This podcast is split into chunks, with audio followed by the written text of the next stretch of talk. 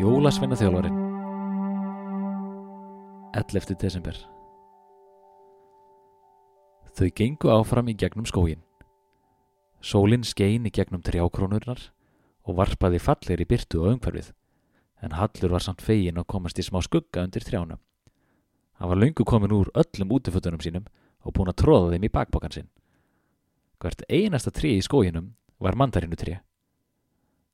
Þetta var heil skóur af mandarinu trjám. Hvað ætlis ég eiginlega margar mandarinur hérna? Nei, er þetta ekki að nafni minn? Allt í unnu byrtist maður á milli trjána fyrir framhandau. Gaman að sjá því loksins. Afi, faðmaði hann þétt að sér. Komdu nú, elsku vinnur, hvað ert að gera hér? Þeir höfðu aldrei hist áður, en samt virtist afi þekkjan strax.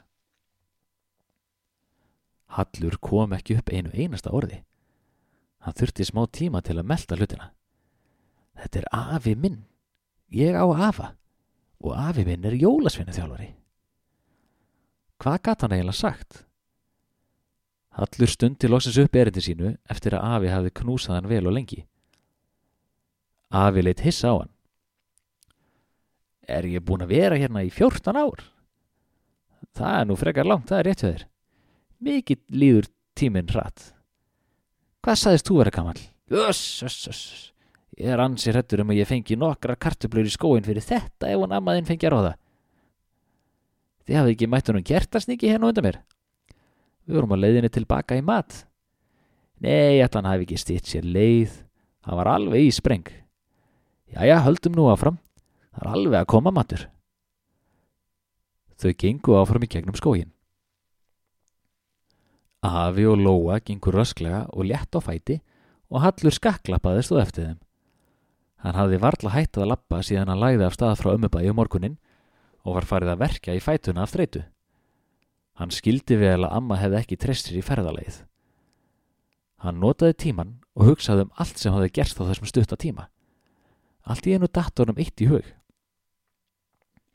Hann var búinn að sjá ósköpun allar mandarinum og það voru vist annað eins af kartöflum hérna einhverstaðar. En búiði líka til dót hérna? spurði Hallur og sá fyrir sér risastórar leikfangaversmiður og staplana af alls konar dóti sem hann geti kannski fengið að leika sér að.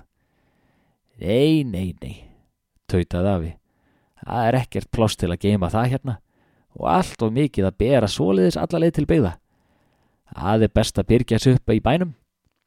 Það er að nóg af sjoppum, dótabúðum, bókabúðum, fatabúðum og bensinstöðum.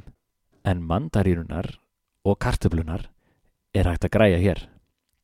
Þá slepp ég líka við raðirnar í maturubúðunum. Vonandi þurfum við samt ekki að nota mikið af kartöflunum. En það er gott að eiga þær til öryggis. Í verstafalli borðum við bara afgangin í janúar.